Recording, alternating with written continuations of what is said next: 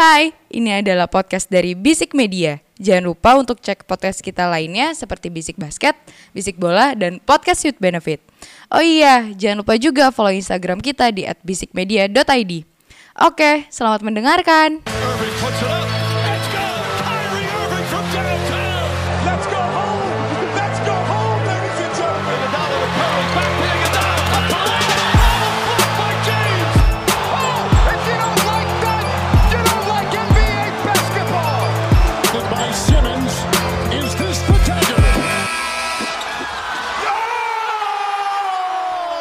Episode 125 dari Basic Basket, podcast putar basket NBA dan juga dalam negeri yang diulas secara santai sebagai pecandu basket. Candu, candu.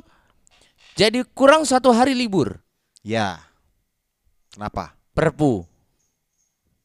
Gak tahu gue itu apaan. Jadi perpunya tuh ganti katanya kita kurang satu hari libur. Awalnya Sabtu katanya kan libur tuh biasanya bekerja. Jadinya tidak udah tidak ada lagi katanya. Madol ya, madol lo deh madol kayak sekolahan. Bareng sama gue di Masyoda Eke Dimsu dan tadi udah ada Ramzi Alam Eke Duzi Pike Komen Kerem J ke Jontor Jeger Jeger Jeger. Boom boom boom. Wak wak wow. Zi. Hmm. Tadi gue sebelum eh, kita ngetek ini ya, Hmm. gue habis nonton timnas Indonesia nih. Menang ya? Menang 2-1. Oh 2-1 jadinya. Eh, kira-kira juara nggak nih AFF nih timnas Indonesia nih? Kalau gue sempat ngobrol sama teman-teman kantor gue tuh sebenarnya kalau misalnya reaching the final kayaknya mungkin, cuman penyakitnya Indonesia kan ya biasanya di situ ya di final tuh selalu Ya. ada aja lah masalahnya. Kayak ini ya, eh yang dulu menjajah ya, Hah? langganan runner up terus Oh, ya kan? Kroasia, Kandas terus. Kroasia bukan? Hah? Oh bukan, kirain Kroasia. Portugis. Oh Portugis. Portugis. Zamannya Jan Peter Zunkun ya kan datang ya kan. Kemudian eranya Dendels ya kan. Dendos, Belan, Londo pak. Londo, Londo. Londo. ya. Lebih Londo lagi ini.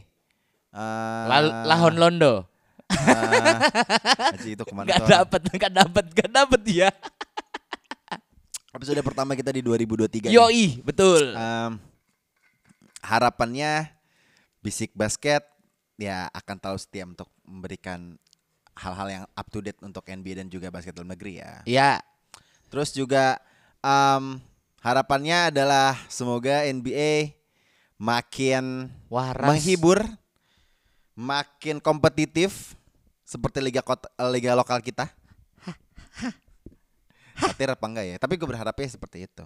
Ya. Oke, kita akan masuk lagi langsung. Seperti Mm-mm. biasa, kita akan review game sepekan terakhir. Mm-mm. Kemarin tuh kita sempat nggak eh, nggak sempet ini ya, NBA eh, Christmas game ya. Iya, eh sempet. Nggak ada. Eh, enggak deh, enggak deh, ada, enggak deh, enggak deh. Enggak deh, enggak deh, enggak bahas. Nggak apa-apa deh. Tapi Nggak kita apa. coba aja kita. Hmm. Nah, di tahun yang baru ini 2023 nih. Sebelumnya bridging lagi aja. Apa tuh? Karena baru berapa menit tuh? 3 menit, Ya, slow. 3 menit gak apa-apa. Jangan ada yang butuh sensor. Podcast sebelah aja 15 menit kok bridgingnya nggak apa-apa, santai aja. Ah, harapan lo Ji di 2023? Harapan gue pribadi ya berarti ya. Boleh pribadi. Kalau pribadi sebetulnya yang penting semoga tidak seabsurd 2022 lah ya. Mhm, 2023 ini Agree, agree, agree. absurd banget 2022 kemarin ya Mhm. ups and downs-nya terlalu roller coaster. Seenggaknya ya stable aja lah intinya. Hmm. Lebih stable terus lebih apa ya? Bisa bahagiain orang-orang walaupun ya banyak pepatah yang bilang kita tidak bisa menyenangkan semua apa gimana sih? Tidak bisa membahagiakan semua orang Iya. gitu loh. Gitu Betul, intinya. betul, betul, betul, betul, betul. Kalau ya gue, kalau gue sih semoga ya emang bener ya 2022 tuh kayak Aneh. for me personally kayak ah, bukan aneh ups and downs-nya but mostly downs-nya gitu but Hmm. it's already past dan 2023 ya menurut Semoga gue jadi lebih baik. bukan lebih baik sih kalau menurut gue lebih ke surprising me but in a good way aja Ah. Dan gue har gue maunya mengambil hikmah dari semuanya Anjas. Anjas. Anjas. Tapi yang menga- mengambil hikmahnya adalah Nah, nungguin ya. Nungguin ya. Nungguin ya. Gak ada bridging bridging Gak ada, Gak ada, gak ada. Gak ada, gak ada. Gak ada, gak ada. Udah kebaca soalnya. Iya. Oke, di review pertama kita Hmm. dan pertama dan kayak satu-satunya. Ya. Di game tadi pagi kita ngetek ha, di hari Senin tanggal 2 ya. Mm-mm. Tadi pagi tuh ada salah satu game. Sebenarnya ada tiga, tiga pertandingan hari ini. Cuman Hmm. gue pengen nyorotnya tuh di game uh, Memphis Grizzlies melawan Sacramento Kings. Ya. 118-108. Di game ini gue senangnya di first half sampai mungkin di sampai quarter ketiga ya. Hmm. Itu tuh bener-bener bisa ngimbangin gitu Sacramento Kings. Ya. Ya, mereka kan road game kan ini Ya. kan di kandangnya Memphis gitu. But um, uh, kedua tim ini tuh menariknya karena dua-duanya Kolektif. there's a lot of youngster. Yes, Ya yes, kan? yes, yes, yes. J- dikit banget maksudnya kayak kayak pemain pemain tuanya itu yang yang bener-bener uh, Veteran, veteran lah ya, itu veteran cuman banget. ya Steven kalau di Memphis ya ada Steven Adams, di Kingsnya ada Harrison Barnes gitu loh. Huh. But ah tapi berkedua-duanya tuh ya kayak tadi lu bilang kolektif gitu loh. Tapi gua senangnya tuh kedua tim ini tuh mainnya tuh bener-bener Lepas. eh, ofensifnya tuh bener-bener saling saling Jual ya? beli ya, jual Iya beli. lah, ibaratnya kalau main bola tuh jual beli lah gitu. Iya. loh. Tapi gue melihatnya there's a lot of similarities between them gitu loh. Mm. Menurut lo kayak gitu gak sih atau atau lo punya ins- eh, insight lain? Kalau di gue sebetulnya gini, ini faktor Ja sih menurut gue ya. Jadi di game ini Ja bener-bener bisa handle the game banget. Ya as we know, tadi lu bilang kan dia sampai quarter 3 dia bener-bener Ya, apa tight game man. tight game ya. Yep. Nah di gue tuh tadi sempat dengar komentatornya bilang gitu di quarter ketiga itu Ja itu punya eh, points per apa gimana ya di di an- di seantero NBA yang quarter ketiganya paling banyak poinnya tuh Jamoran Hmm. dengan eh, rataan 9 poin. Ya. Jadi emang bener-bener ketara banget kalau misalnya emang Jamoran nih Hmm. emang gak ngegas banget di quarter ketiga gitu Ya. loh dan itu kelihatan banget. Faktor sepatu baru. Mm-mm. Haha. Patah ja sepatu satu. baru, Boleh satu. kali kasih ke sini satu. Ya, Iya. lau sokap kita sokap. Lanjut. Nah, sebenarnya yang paling kelihatan tuh sebenarnya menurut gua Jamoran tetap lebih lebih baik dari semua pemainnya yang lain eh. Dan juga Tyus Jones sih bener-bener 5 per 7 dari Time Jones lagi wangi banget. wangi banget. Terus juga yang gue lihat tuh kalau Memphis tuh masing-masing tuh punya posnya masing-masing gitu loh. Kayak misalnya jatuh bagian yang acak-acak gitu. Terus si Tyus Jones, Dylan, Dylan Brooks tinggal ya safety shooternya. Terus eh Jaren Jackson Junior bisa jadi stretch four, bisa di empat mau ke dalam juga dia cukup kuat. Dan menurut gue yang paling penting adalah eh kurangnya big man dari dari Kings sih. Kings tuh bener-bener big man-nya nggak ada. Dia, dia naro sen- naro Sabonis di center. Yep. Dan menurut gua ini langsung kelihatan banget out rebound banget. Eh Stephen Adams tuh 23 rebound kalau nggak salah. Dan kayaknya ini akan bisa jadi PR besar dan mereka harus bisa eh, nge-backup nge-cover up ini supaya nggak jadi masalah buat ke depannya gitu ya karena gue lihat mereka cukup lagi bagus banget nih Sacramento Kings ya dengan light the beam light the beamnya menurut gua agak disayangkan sih sebenarnya di game ini Tapi oh iya, emang faktor faktor uh, rim protectornya menurut gue yang mesti jadi kendala buat Kings ya. Menurut gue kayak Sabonis tuh karena Sabonis tuh posisi murninya adalah pemain forward Empat, ya, main empat. empat murni gitu. Tapi dan again gue melihatnya bahwa Kings kayaknya nggak ada nggak ada center konservatif yang benar-benar sebagai rim protector ya gitu. paling ada Jadi, Rishon Holmes sih sebenarnya ada Alex Len harusnya ya. Alex Tapi Len kayaknya juga. emang udah ya ya gue nggak tahu ya, ya. udah udah out of date banget sih dia. Jadinya gue bisa memaklumi gitu. Tapi di game ini tuh kalau lu kalau kita sering membahas tentang eh, gaya bermain small ball ya. Iya. Ini tuh Sacramento Kings bener-bener bisa nge-improve dan bisa memainkan small ball dengan bener-bener bener-bener sebagus itu gitu, Mm-mm. seapik itu gitu. Karena di game ini pun juga sampai apa ya, mu- mungkin gak ada yang dominan maksudnya dalam Iya. artian gak ada yang 20 poin plus gitu, Rata, semuanya semua rata, belasan aja belasan gitu, aja. double digit gitu. Tapi gue senangnya adalah bahwa mereka tuh nggak nggak nggak terpaku dengan satu atau dua pemain ya. Yang kita tahu kan ya, ada Deron Fox dan juga ada Domantas Sabonis yang menjadi Hmm. motornya si Kings di musim ini gitu lah. Hmm. But then again, gue sangat menarik banget ini Mike Brown nih akan membawa Kings sampai mana sih. Jadinya kayak buat gue ini menarik banget sih untuk Kings musim ini. Iya dan gue sebenarnya yang gue salut juga mereka nggak cuman kuat dari starternya doang. Malik Monk men dia bener-bener jadi six man yang bener-bener bagus banget yang dibutuhkan banget dan kalau misalnya kita bicara apa ya sejauh mana Mike Brown bisa ngebawa Kings gue masih punya satu PR yang cukup besar sih buat Kings jadi gue habis ngecek ini offensive sama defensive rating dia oke offensive in offensive way mereka bagus banget. Ya ini ini bener-bener kelihatan banget sih jadi masalah dari selalu, selalu jadi masalah dari small ball gitu ya. Eh, di offensive ratingnya mereka di peringkat 6 se NBA Ya. di defensive rating dia peringkat 23 Ya, sadly. dan menurut gua ini harus ini PR-nya gede banget besar banget dan berat banget.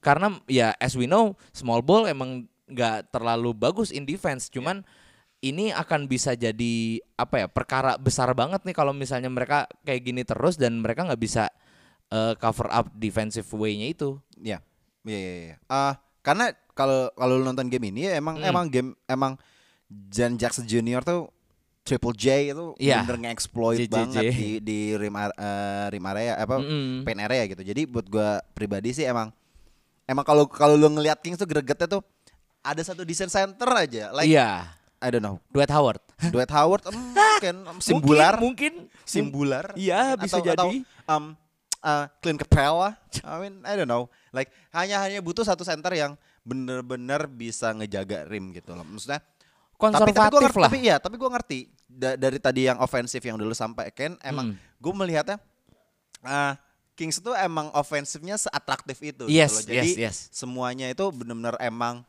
uh, uh, pede untuk uh, taking a shot gitu loh dan juga emang hampir semuanya tuh bisa uh, drive ke rim, Hmm. main-main passing kick out gitu. Hmm. Dan Memphis pun juga melakukan hal yang serupa gitu. Yes, dan Memphis betul. kan juga menurut gue mereka tuh satu tingkat lebih mateng lah daripada Kings lah ya Ya, bisa ya, dibilang ya. kan. ya. Nah, tapi gue melihat satu keyakinan bahwa Kings ini dari sisi kedalaman skuadnya itu Hmm. slightly better than Memphis kalau menurut gue ya. Karena ada ya oke lah kalau mu- mungkin mungkin mungkin dari sisi backcourtnya emang nggak terlalu ya penggantinya Domantas nggak ada lah gitu loh. Paling siapa? Richard Holmes atau nggak nggak Iya, nggak nggak nggak nggak iya. mumpuni gitu loh. Iya. Tapi di, dari dari second unit ada Malik Monk, ada Davion Mitchell. Menurut gue ini modal-modal yang bagus banget untuk ya emang pas banget sih Mike Brown untuk menerapkan small ball gitu. Tapi emang terlihat belum belum sangat matang gaya bermainnya Mm-mm. dan mereka juga lagi mungkin lagi masa transisi untuk menuju prosesnya.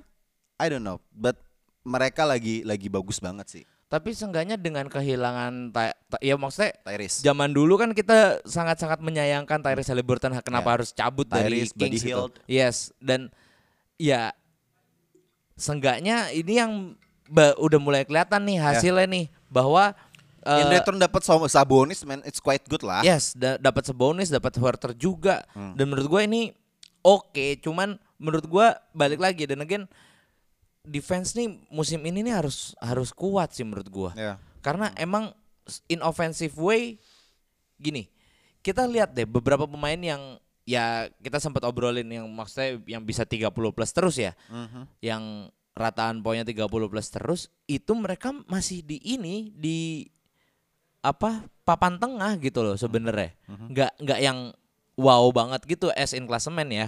Dan sedangkan yang di klasemen yang tinggi tinggi itu justru yang punya defensive rating paling baik gitu loh Ya. kayak Cleveland Boston. Trying to be balanced sih. Iya itu. Dan menurut gua ini harus mungkin kalau tahun ini belum jadi tahunnya Kings Hmm. tapi kalau misalnya tahun depan mereka bisa dapetin satu center konservatif yang bener-bener rim protector yang bisa ngejaga paint areanya mereka dengan sangat baik menurut gue itu yang bisa jadi bahaya banget sih musim Ya, depan. Ya, ya.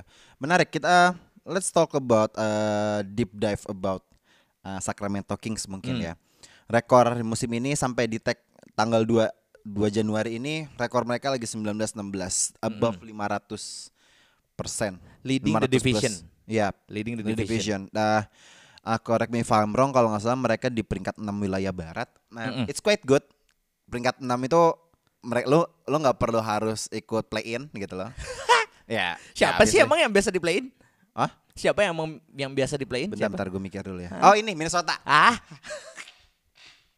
Minnesota dong. Ya. yang ya, nggak ya, jadi-jadi ya, ya. apa-apa itu, yang Ya, tidak arah ya. arahnya itu. Iya iya iya. iya, D'Angelo, iya, iya, iya. Kieti, Edwards, Mm-mm, uh, gitu Rudy. Gobert. But, mm-mm. yeah, it's, it's quite good. But, Mm-mm, yeah, oke. Um, ma- walaupun mereka ini yang tadi udah kita sampaikan bahwa mereka kan is underdeveloped gitu loh. Maksudnya mereka udah mulai try to uh, memetik prosesnya dari Iya. Dari yang di Aaron Fox awal-awal kemudian dapat Tyrese, dapat aset kayak Buddy Hill, kemudian in, di trade dapetin Domantas Werter dan sebagainya. Hmm. Kemudian di free agent juga dapetin Malik Bong Hmm. um, nggak ada yang nggak ada yang expect mereka bakal sewah ini gitu loh. Di Ya, musim ini ya? nggak- da- da- ya untuk tim yang selalu di, di peringkat paling bawah gitu Hmm. ya bisa paling bawah juga sih tapi kayak ya untuk tim yang terakhir masuk playoff itu 2007 ya menurut gue it's it's uh, it's a huge achievement lah kalau Hmm. mereka misalnya at least tidaknya masuk play in gitu loh but sampai saat ini Wal udah 40 udah belum- baru 35 pertandingan yang mereka hadapin hampir setengahnya mereka udah peringkat 6. Tapi yang kita nggak tahu nih. Iya. Next akan seperti apa gitu loh. As we know Wild Wild West Ya, juga kan. Wild Wild West dan kita juga udah pernah melihat ada tim yang di awal-awalnya bagus kemudian sekarang terburuk dan jadi rebuild ya kan. Contohnya Utah Jazz. Mm-mm. Kemudian juga yang tim uh, bisa dibilang sangat-sangat dominan di musim yang lalu. Kemudian sekarang agak-agak mengecewakan like Suns gitu-gitu. Nah, ini fenomena Kings ini kan menarik banget gitu loh. Jadi mereka trying to be up gitu. Ya. If mereka masuk playoff gitu loh. Menurut lo mereka akan bertahankah atau first round exit kah atau ya ada sparks atau atau ada there's any slightly chance buat mereka untuk ya first round bisa lah gitu. Kalau dari gua kayaknya first round exit sih karena balik lagi defensif mereka bener-bener kacau banget. Gua nggak ngelihat ada orang yang bisa diandelin as in defense. Ya. Perimeter di mereka juga ya biasa aja. Hmm. Dan oke lah mungkin off, in offensive way mereka bener-bener apa ya? atraktif terus Hmm. entertaining. Cuman balik lagi gua ma- gua masih megang bahwa musim ini yang bakalan juara tuh yang defensive ratingnya terbaik gitu loh. Oh oke Ja- jangan jangan ngomongin juara dulu. Gue gue Hmm. gue cuma pengen lihat fokusnya pada Ya maksudnya yang dulu aja. yang gitu. kuat deh, yang kuat Ya. tuh yang defensive ratingnya bagus. Jadi menurut gua ini loophole yang cukup besar banget nih kalau misalnya apa eh mereka nggak bisa bal dompleng si defensive ratingnya Aha, gitu loh. aha. Tapi ya gua bahkan kalau misalnya mereka di play in kayaknya mereka play in exit sih. Play in exit. Play play in exit menurut gua. Hmm, hmm, hmm. Enggak belum lah, belum saatnya. Hmm. Lu eh, masih punya missing puzzle yang harus lu tambal dulu lah gitu Tapi kasarnya. tapi gini men. Ya. Apa tuh? emang gue melihatnya bahwa ada ada pemain yang bisa menjadi faktor X dalam satu tim ya. bisa menjadi gua gua bisa bilang mungkin pembeda. Mm. Kalau misalnya nanti di playoff, be- bet gua selalu sampaikan di sini kalau playoff, it's is a- another thing level ya. another daripada regular season itu it's a it's a different things lah kalau playoff itu kan. Tapi Hmm. ada satu satu hal yang salah satu pattern yang menarik kalau menurut kalau bagi gue tim yang yang kayak kayak, kayak tipe-tipe kayak Kings gini nih. Ya. Itu tuh harus punya pembeda, harus Hmm. punya tim yang eh, satu bukan tim, pemain yang benar-benar I got the shit gitu loh kalau misalnya emang ntar di playoff gitu loh. Hmm. Tapi gue eh, nggak bisa melihat Kings punya pemain seperti itu. Ah itu. Seperti itu. Itu. ada satu pemain yang mungkin bisa menjadi kandidat bawah Darren Fox gitu. Hmm. Gue melihatnya Darren Fox adalah pemain yang dia pemain itu sebenarnya bagus men. Hmm. Cuma Ya. terjebak di tim yang salah aja gitu loh. Iya iya iya. I mean like dari dari dua, dari se- dari setelah pandemi rataannya dia itu eh, di atas 22 points per game, Oke. di atas 4 assist per game dan ya eh, kalau nggak salah reboundnya 5 itu 5 poin 5 rebound per game itu kan menurut gua kan kayak itu Ya. statistik yang it's quite good gitu loh. Ya. Tapi emang yang udah musim ini selalu kita bilang bahwa emang pemain-pemain All Star caliber MVP candidate itu set the bar to way up high Ya ya. ya kan. Hmm. Jadinya kalau misalnya kita melihat era 2010-an awal scoring segitu tuh sebenarnya tuh udah all star banget gitu loh. Makanya kenapa gue selalu bilang bahwa eh eh, Darren Fox itu pemainnya sebenarnya underrated all star, underrated player karena ya ya begitu. Sebenarnya dia udah melakukan semuanya dan dia juga sebenarnya in a way tuh di- bisa dibilang bahwa pemain yang nggak terlalu egois. Kalau lu bisa lah ngelihat gaya bermainnya Darren Fox, Iya, iya, iya, dia iya, tuh iya. nggak Iya. bukan tipe yang gua kelarin sendiri, kayak yang nge-hype-in, iya kayak kayak Ja, uh-uh. like Ja Trey or maybe Doncic di Iya. Dallas gitu loh. Dia bukan tipikal yang kayak gitu gitu loh. Tapi gue punya keyakinan bahwa Darren Fox nih dengan dengan dengan dengan fenomena Kings yang sekarang lagi naik daun ini, gue sih punya harapan, Hmm. punya harapan. I mean, I mean, you being egois dalam dalam satu possession itu nggak buruk-buruk banget gitu loh. Karena Ya. dia tipe yang humble break gitu loh, ngerti gak sih lo? Dia tipe-tipe yang yang kayak gitu loh. Ya, ngerti lah maksud gua gitu loh. Tapi kalau misalnya jadi kayak gitu ya, eh gua takutnya Sacramento Kings akan kehilangan identitas mereka dengan kolektivitasnya mereka, ngerti nggak? Nggak masalah. Nggak, nggak. Kalau menurut gua itu nggak akan itu nggak akan berpengaruh. Itu nggak akan berpengaruh. Karena karena uh, bench karena deep uh, sorry uh, gimana ngomongnya? Uh, kedalaman squadnya mereka udah cukup itu, sebagus itu. I mean like modal modal satu tim NBA untuk bisa eh, patternnya kita lihat patternnya ya. Hmm. Modal pemain eh, sorry modal tim NBA Hmm. untuk bisa bertahan punya satu All Star caliber, kedalaman unit yang bagus dan punya satu veteran.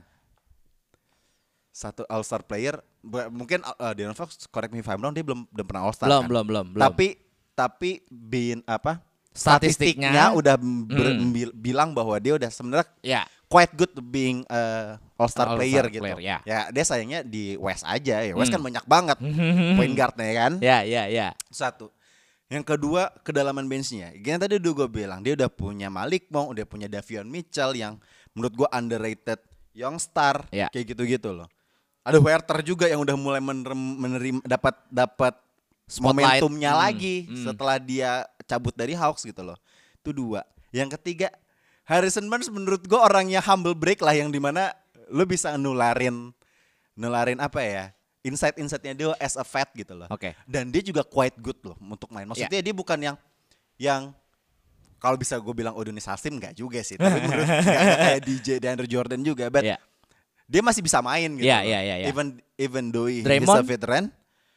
Ah, Dray, Draymond menurut gue masih Draymond kan 2012 dia kan seangkatan Ya nggak sama- maksudnya maksudnya kurang lebih jadi kayak as a- Draymondnya as a gitu. mentor lah, as Iya, a as a mentor, mentor. kayak gitu. Modalnya Kings tuh udah ada gitu loh. Jadi gue punya optimisme dan gue merasa ini fenomena yang untuk Kings ini, I mean like gue gue mengerti fans Kings ini lu 2006 eh 2006 2007 tuh tuh terakhir masuk playoff lu disingkirkan sama Spurs yang akhirnya Spurs jadi juara Hmm. juara yang masih ada Manu, masih ada TP. TP, masih TD. ada TD gitu loh. Gue yakin sebenarnya untuk tim kayak Kings, mereka tuh nggak berharap juara, tapi yang penting gue masuk playoff dulu deh gitu. Iya, iya, iya, iya. Kayak gitu. Makanya gue tuh sangat senang tim-tim yang kayak gini tuh mereka even though mereka hanya masuk playoff pun, even dia mereka tersingkir, Hmm. mereka tuh pasti akan oh yaudah nggak apa-apa gitu. Iya. Tapi modalnya mereka tuh udah ada, makanya gue hanya pun mereka hanya butuh ke playoff juga, tapi pas di playoff Lepas. mereka nggak akan ya emang, emang beda, pasti ada ada, ada ada ada ada dua kemungkinan ya antara lepas mereka nothing tulus Heeh. atau dua mereka terbebani Iya. Iya kan tapi gue merasa mereka tuh modalnya ada men untuk Iya. yang tadi udah gue sampaikan tiga poin tersebut menurut gue mereka tetap main lepas. Mereka akan tetap main lepas dan mereka nggak nggak akan ada beban untuk ya gue harus melangkah jauh di playoff karena ya gue juga bahkan gue masih jujur nih ya gue gua nggak tahu nih apakah mereka akan masih ada di playoff spot atau enggak sampai di akhir regular season. Iya. Cuman balik lagi gue mungkin gue setuju bisa bisa jadi setuju sama saran lu di mana Darren Fox bener-bener jadi apa ya di alpha male-nya gitu.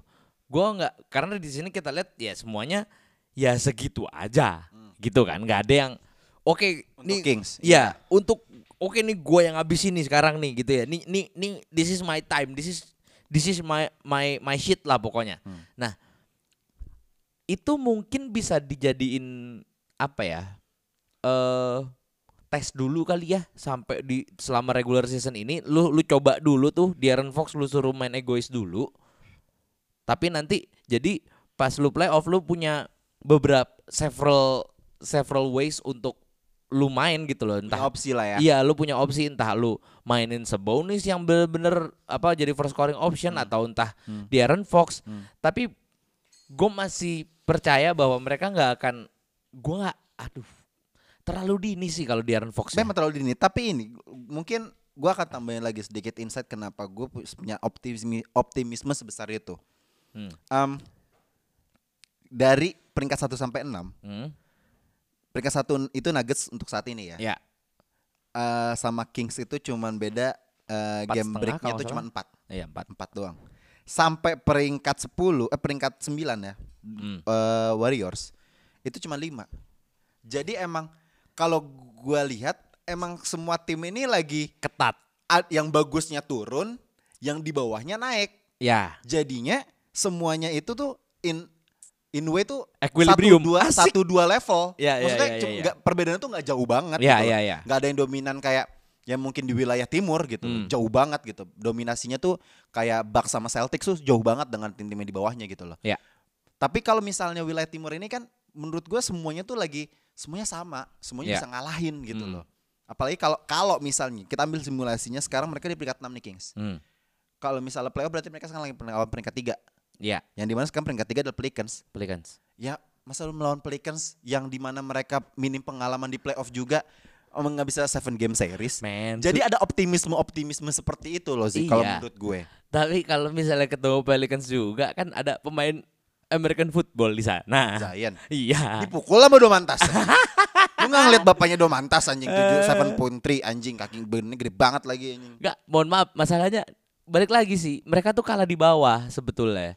Ya. Itu yang menurut gua kayaknya ini belum jadi tahun mereka. Belum ya. Gua Iya. gua gua biarkan mereka mendapatkan pelajaran di playoff ini dan mereka bakal dibabat habis-habisan di playoff.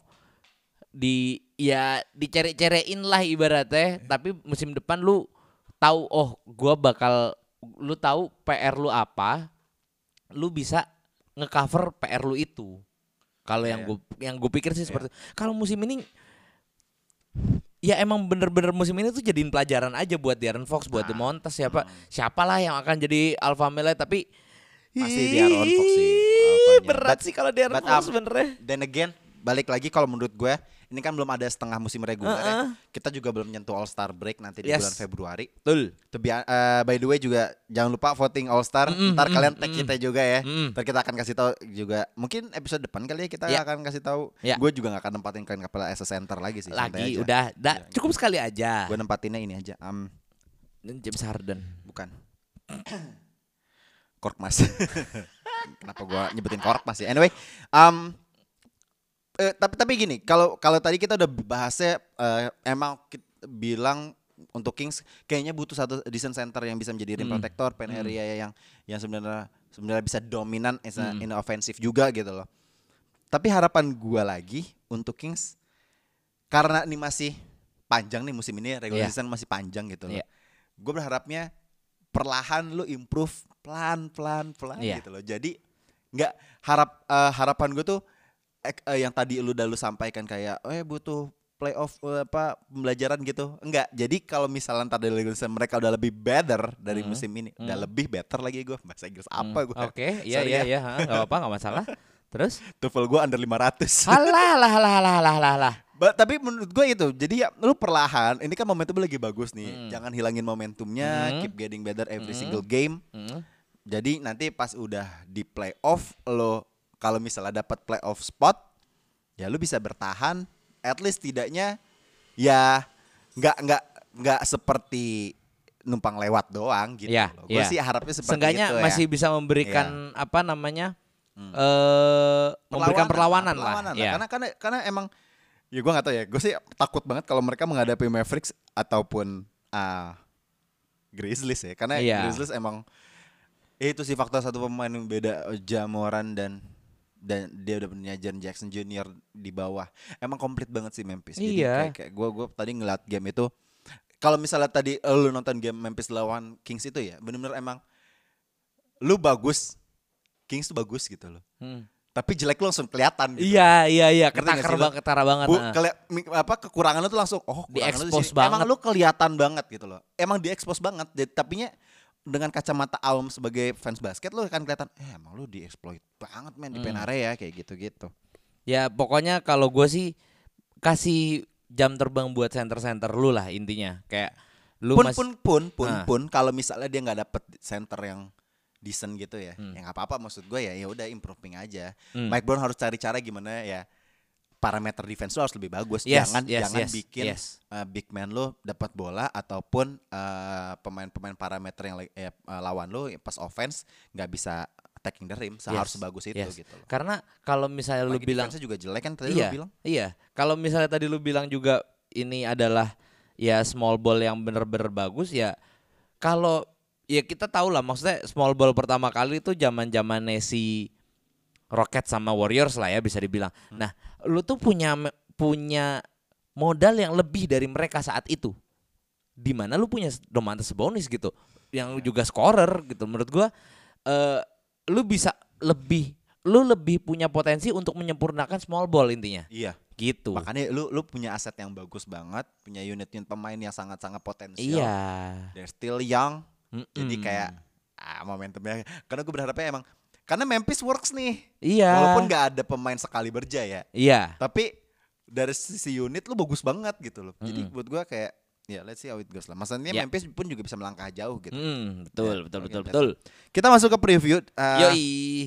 hanya ada dua game yang menurut gue patut Oke kita lah. lihat ya. Mm-mm. Uh, karena gua nggak mau menyinggung timnya Ramzi, gua nggak mau menyinggung Dallas karena kita udah ngomongin terus, nggak mau menyinggung siapa lagi ya perasaan orang lain Ben Simmons ya. Ben Simmons ya Oh, tapi Nets lagi bagus, nggak apa-apa. nggak apa-apa ntar aja kita Ntar bahas. aja. ada ya. ini ada, nih. waktunya. Ada hari waktunya. Rabu Hmm. besok berarti sekal eh nggak besok ya berarti ya Iya besok. Iya, eh, enggak dong, lusa. Eh, iya, Rabu. Iya, lusa, lusa, lusa, lusa, lusa. sih. Iya, Emang iya. kebiasaan ngetek Iya, di iya, atas sorry, jam sorry, 12 sorry, gitu sorry, emang. sorry, Hari sorry. Rabu Utah Jazz melawan Sacramento Kings. Jadi sebelum um, Sacramento Kings ngelawan Memphis, mereka tuh sempat ngelawan Utah Jazz yang di mana mereka menang 126 125. Hmm. Tipis banget. Nah, ini kekhawatiran gue juga sebenarnya melawan tim yang lagi rebuild like Utah Jazz. Mereka juga kewalahan. Kecele, Kecele kecele. juga. Ya, tapi kalau menurut gua pas lawan Jazz ini ya mereka punya faktor X-nya gitu di Lauri Markkinen waktu itu benar-benar bisa apa ngebawa tempnya dia waktu FIBA Euro ya? Eurobasket. Euro ya Eurobasket tuh tempnya masih dibawa dan jadi bagus banget. Ya. Ya buat gua game ini agak berat sebetulnya. Cuman gue pede sih. Pede sama Kings gue masih. Karena Utah sekarang lagi rada-rada mulai hilang arah. Eh, bukan mulai hilang arah, mulai kebaca cara Bukan, mainnya mulai ke template dan hakikatnya mereka musim ini. untuk jadi tanking. Betul. Kayaknya eh ngapain kita di atas goblok. Iya, gitu, gitu. Kan kita mau dapetin Wambenyama. Iya. Hei, kok Wambenyama ke arahnya kok mau ke Spurs ya? iya gitu kan. makanya. Mungkin gitu. agak-agak pop kan agak menarik untuk tim pemain-pemain Prancis kali ya. Mm, mm, mm. Ya, gitu. ya. Tapi kalau kalau menurut gua eh Utah Jazz masih udah mulai doyong lagi. Jadi kayaknya Kings sih menurut gua. Dan Gua juga, juga back- backcourtnya masih bagus banget sih ini. Iya, iya, iya. Sacramento gila. Nah, nah Utah ini adalah salah satu contoh yang emang punya aset yang potensial, Hmm. tapi emang ya mungkin mungkin keceleknya itu bukan ke, ya keceleknya itu kali di awal musim kayak Utah Jazz bagus banget gitu loh. Hmm. Eh tapi lupa kita kan lagi rebuild ya udah Iya. gitu loh. Gitu. Potennya hilang jadinya kan? Iya. Potennya hilang jadi poten sial gitu. Oh, Jadi sial dong. Sial dong. Potensial. Potennya Potennya nggak- hilang iya. jadi sial emang. ya nggak tahu kalau misalnya nggak dapat Wambenyama sedih juga Iya, sih. itu- Tapi ya itu gua beneran tahu. sial sih itu. Gua gua nggak tahu. Emang Mm-mm. Wambenyama emang huh, berbeda sekali. Oke, di Parah hari sih. Kamis Hmm. Bulls melawan Brooklyn Nets di mana per hari ini Nets lagi 9 winning streak. Iya. Damn, they're, they're really really good. Hmm. Mungkin setelah Kyrie Kyrie lepas dari Nike. lepas dari Nike, Ah, mereka sepatunya harganya bagus. mahal. Iya. Bebannya Kyrie lagi kejar. dan mereka langsung melesat ke peringkat dua wilayah Hmm. timur. Ah, Bulls ya, Bulls juga lagi combang-camping lagi masalahnya. Bulls lagi peringkat 11. Eh yang gue Mereka- denger tuh juga soalnya Zach Levine kan lagi ada masalah juga kan, maksudnya dia nggak nggak terlalu serak dengan internal timnya oh really? Bulls Iya, ya. gua, gua belum tahu tuh. Nah, eh correct me if I'm wrong, dia sempet hampir request trade tapi kayaknya enggak deh. Enggak lah, Lupa gua. ya, ya. Nah. kalau requestnya juga pastinya ke tim di Kali kan, Mm-mm. California. Sekali Ah. Brest, sekali Malang, probably not. Kali orang ya. Sekali orang. Ah. Oh, berarti join Bima Perkasa. ya gitu. Jogja. Eh Bulls obviously net sih kalau gue. Pakai obviously ya, bener-bener karena kayaknya bakal blow out sih. Iya, iya. Karena Netsnya udah mulai ya walaupun botaknya si KD ketaker Haha. banget ya. Ya lu kan banyak duit kenapa nggak tanam rambut sih anjing? Ah, kan dia udah dibilangin GOAT karena itu apa ada fans yang gue cuma 12 tahun I'm doang. sorry, I'm 12. well ya, 12 lo lagi ngeliatin eh ya ya ya ya ya, ya. KD lagi bagus-bagus ya di OKC ya. Sebelum dia lahir Wajar. pun LeBron udah lahir, eh udah Iya. udah di NBA malah. Iya.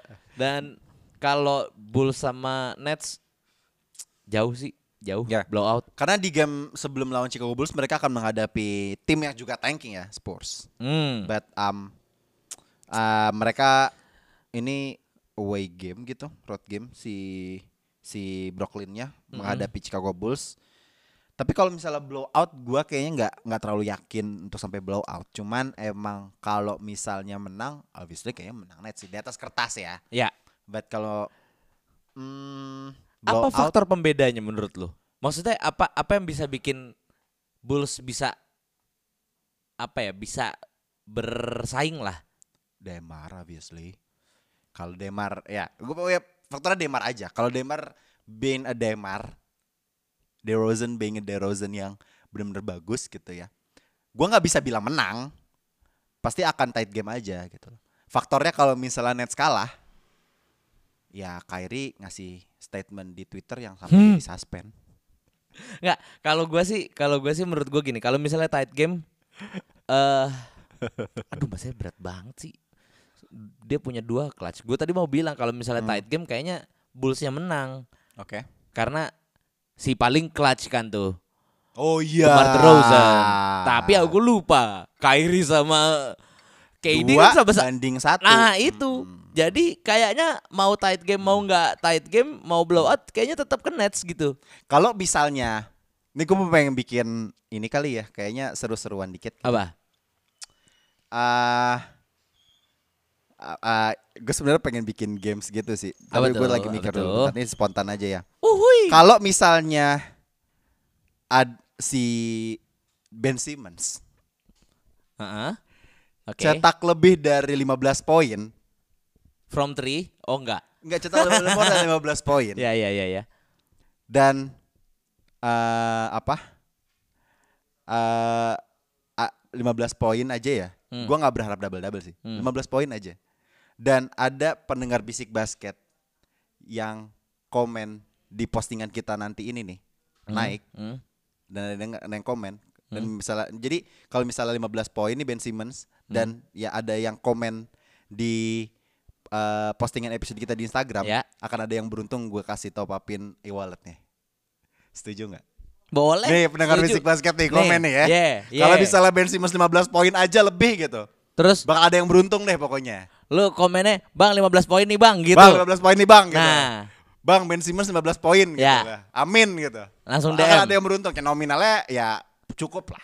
Cukup Quite lah. generous lah. Iya, iya, iya, Quite iya. generous lah. Oke. Buat lo beli pulsa gitu. Tapi jangan video VCS ya. Iya, iya. Video call sayang-sayangan sama pacar lo maksudnya. Tapi gitu. masalahnya kok bukan bukan dari pendengarnya ya.